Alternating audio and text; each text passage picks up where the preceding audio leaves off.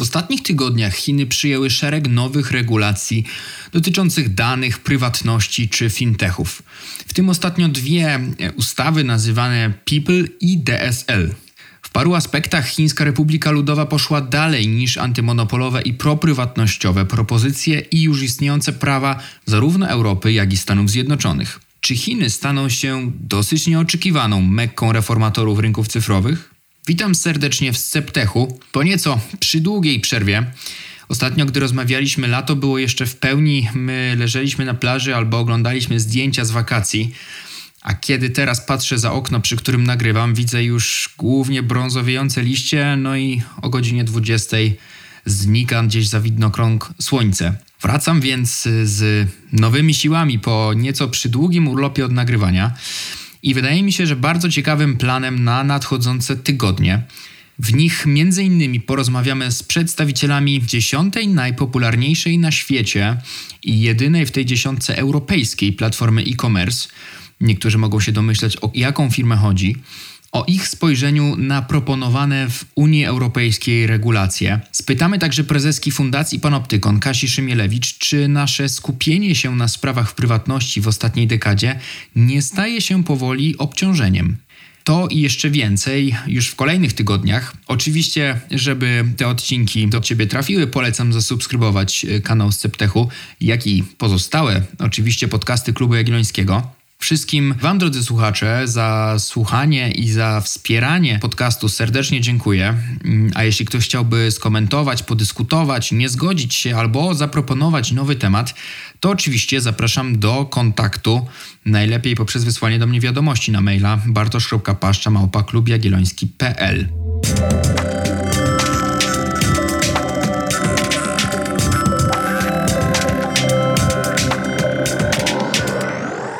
teraz wrócimy do dzisiejszego tematu.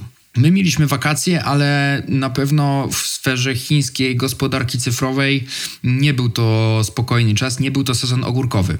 O tym, że chiński rząd na poważnie zabrał się za walkę z Big Techem, rozmawialiśmy już nawet w tym podcaście parokrotnie.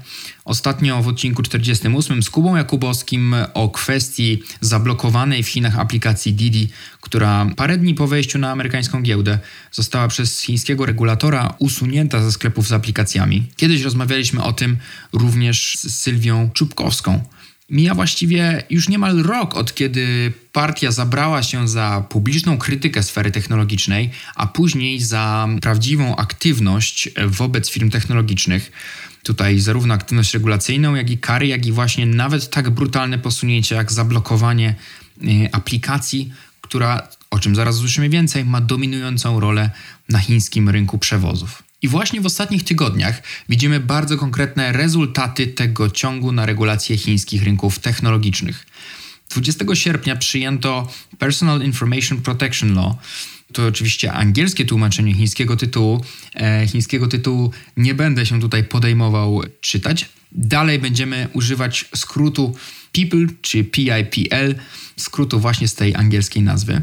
To jest regulacja, która wejdzie w życie już 1 listopada. Ale parę dni temu, 1 września, weszła w życie inna niedawno przyjęta ustawa Data Security Law, w skrócie DSL.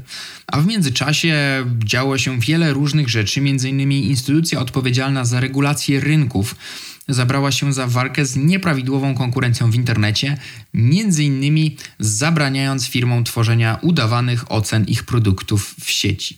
Czym więc są te, te dwie wspomniane ustawy PIPL i DSL?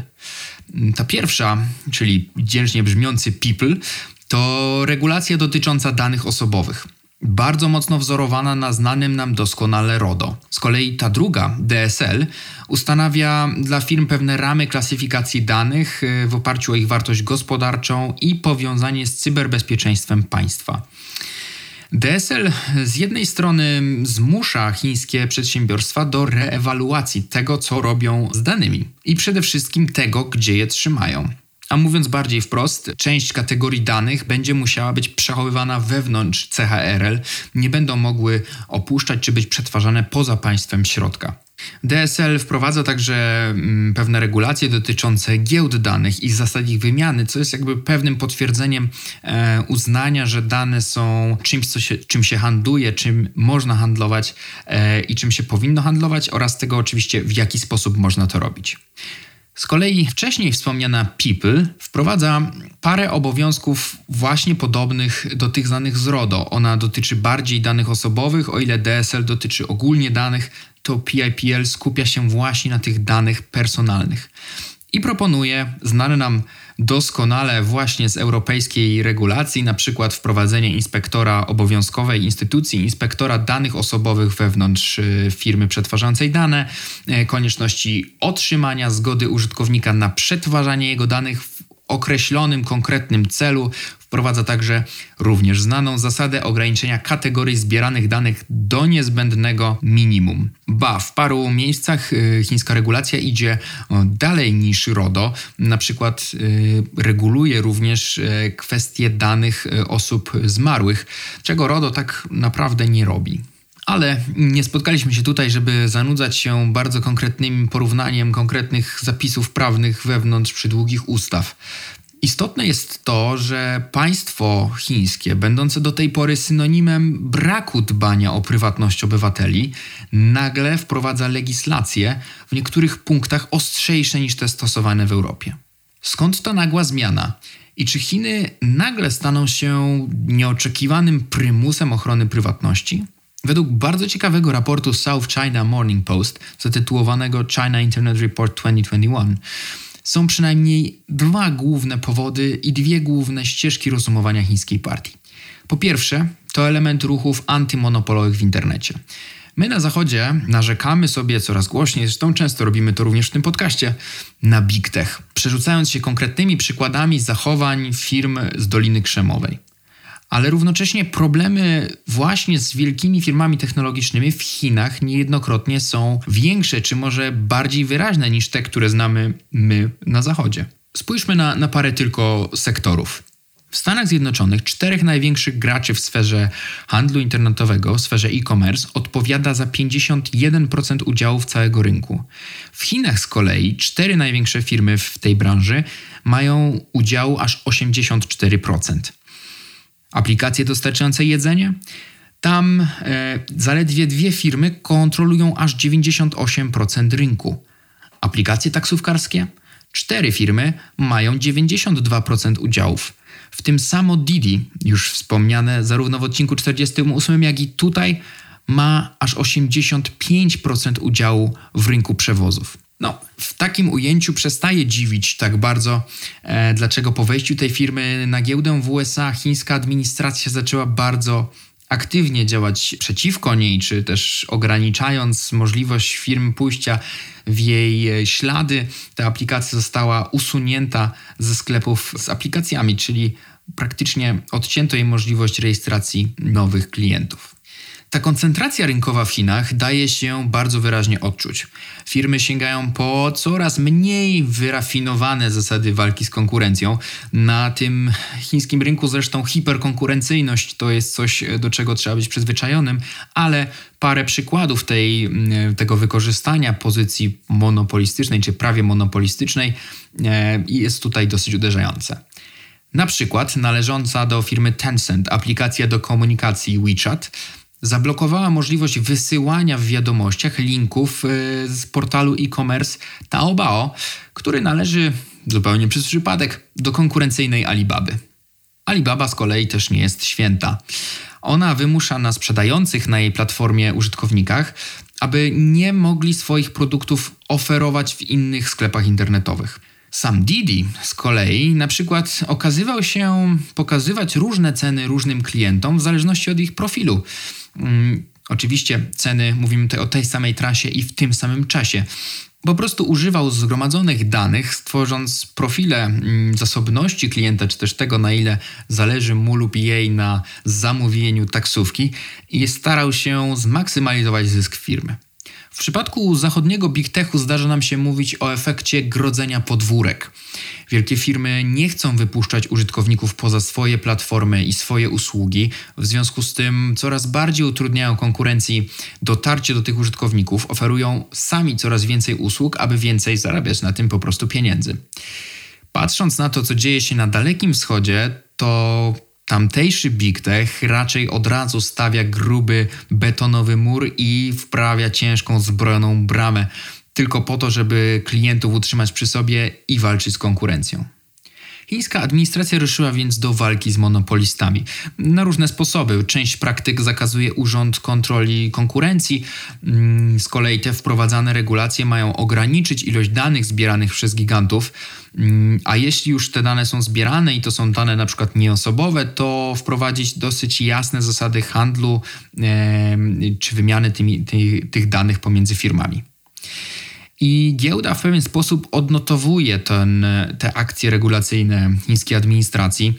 E, właśnie kursy akcji gigantów technologicznych w trwającym roku od swoich szczytów niejednokrotnie spadły już o nawet 30 czy 40%. Tyle element antymonopolowy. Ale drugim elementem jest rosnąca popularność fintechów, szczególnie tych udzielających pożyczek. Do tej pory firmy technologiczne w Chinach, działające właśnie w branży usług finansowych, praktycznie nie musiały odpowiadać kapitałem. Um, więc na przykład osławiona Ant Group, której zablokowano wejście na giełdę, um, udzielała pożyczek, które w większości finansowały tamtejsze bańki. Nowo wprowadzane regulacje wymagają m.in. pokrycia równowartości 30% udzielanych pożyczek przez same firmy technologiczne. Do tego na przykład ograniczają maksymalne narzucane oprocentowanie. Dlaczego to dla Chin istotne? Bo tamtejszy wskaźnik długu do dochodu gospodarstw domowych wzrósł w 2020 roku do poziomu aż 139%. Dla porównania, w szczycie kredytowo-hipotecznej bańki w USA w roku 2007 ten wskaźnik wśród amerykańskich gospodarstw wyniósł nieco mniej 133%. O chińskim długu i długu chińskich gospodarstw domowych yy, mówi się coraz więcej wśród ekonomistów na całym świecie. Niektórzy podejrzewają zresztą, yy, że to właśnie tamtejsza bańka kredytowa może być przyczyną kolejnego nadchodzącego globalnego kryzysu. Chińska administracja, uderzając i regulując te technologiczne firmy zajmujące się finansami, próbuje więc w pewien sposób zatrzymać ten, ten fintechowy szał pożyczkowy, który być może jedynie dolewa oliwy do ognia.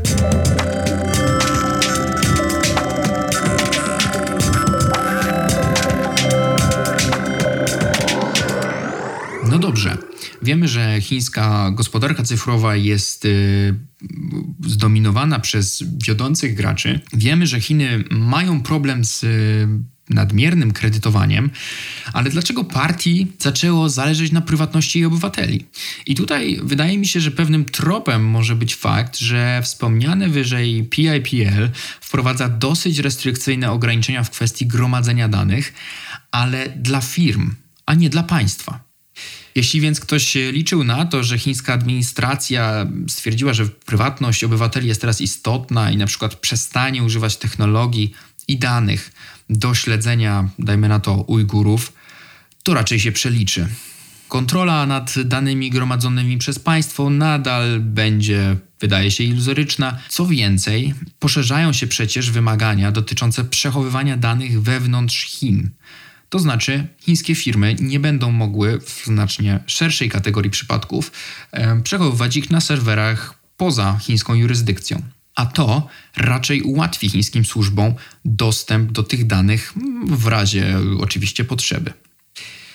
To szczególnie istotne, że przecież również szereg zachodnich firm, takich jak Microsoft czy Apple, jest y, obecnych na chińskim rynku. W ostatnich latach też dzięki prężnemu rozwojowi tamtejszej sfery cyfrowej zaczęto również otwierać y, serwerownie, przechowywać część danych y, swoich chińskich klientów właśnie wewnątrz Chin i te regulacje pewnie w znaczącym stopniu będą również ich dotyczyć. Z jednej strony Chiny wprowadzają szereg ambitnych reform internetowego rynku. Reform, na które w Unii Europejskiej czy w Stanach Zjednoczonych wciąż czekamy. I część z tych reform być może stanowi całkiem celną odpowiedź na problemy dotyczące prywatności i przede wszystkim te problemy dotyczące braku konkurencji, e, które stoją nie tylko przed Chinami, ale również przed Europą czy USA. Z drugiej, chińska administracja delikatnie i po cichu uchyla szerzej drzwi kategorii cyberbezpieczeństwo państwa, co w przyszłości może jedynie wzmocnić wykorzystywanie przez służby danych wobec obywateli. Ba, co ciekawe, Równocześnie widać wyraźnie, że na szczytach wielkich chińskich spółek technologicznych z bardzo różnych powodów dochodzi do wymiany prezesów. O przypadku Jacka Ma z Alibaby rozmawialiśmy już na tym podcaście. To szef jednej z największych chińskich spółek technologicznych, który pewnego dnia zniknął, e, uciszył się. Potem okazało się, że uczy się kaligrafii w odosobnieniu.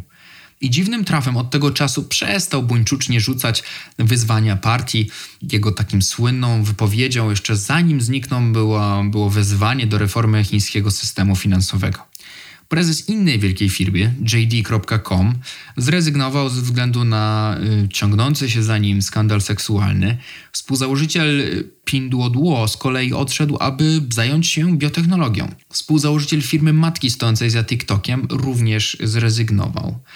Prawie każdy z nich ma swoje niezależne i różne powody do odejścia. Część e, z tych mm, ludzi jest właściwie takimi seryjnymi przedsiębiorcami, którzy zakładają nowe firmy, by po paru latach założyć coś nowego. I w tym sensie ich odejścia mogą być zrozumiałe. Ale trudno nie zwrócić uwagi na to, że poza regulacjami Chiny też o wiele brutalniej musztrują swoje firmy. Na przykład rozpoczynając śledztwo wobec firm, które w rodzaju Didiego e, chciały wejść na amerykańską giełdę albo już na nią weszły. Z kolei w ramach walki z uzależnieniem młodych od komputerów rozkazały, aby firmy produkujące gry komputerowe pozwalały nastolatkom grać jedynie przez 3 dni w tygodniu, w piątki, soboty i niedzielę pomiędzy 20 a 21. I bardzo wyraźnie uczyniły odpowiedzialnymi za egzekucję tego właśnie firmy technologiczne tworzące gry. I to zmusza nas do zastanowienia się, czy Chiny nie zabijają powoli swojej z takim trudem stworzonej technologicznej przedsiębiorczości. Żaden rozwinięty kraj nie stworzył do tej pory innowacyjnej gospodarki bez gwarancji prawa własności.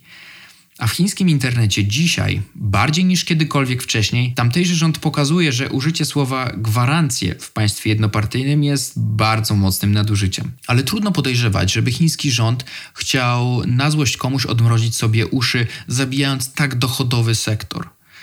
Dużo bardziej prawdopodobne jest, że raczej daje w ten sposób wyraźny sygnał, żeby ci inżynierowie, żeby ci przedsiębiorcy skierowali swoje myśli i działania na inne tory. W końcu Xi Jinping chce, aby Chiny osiągnęły supremację technologiczną do 2025 roku.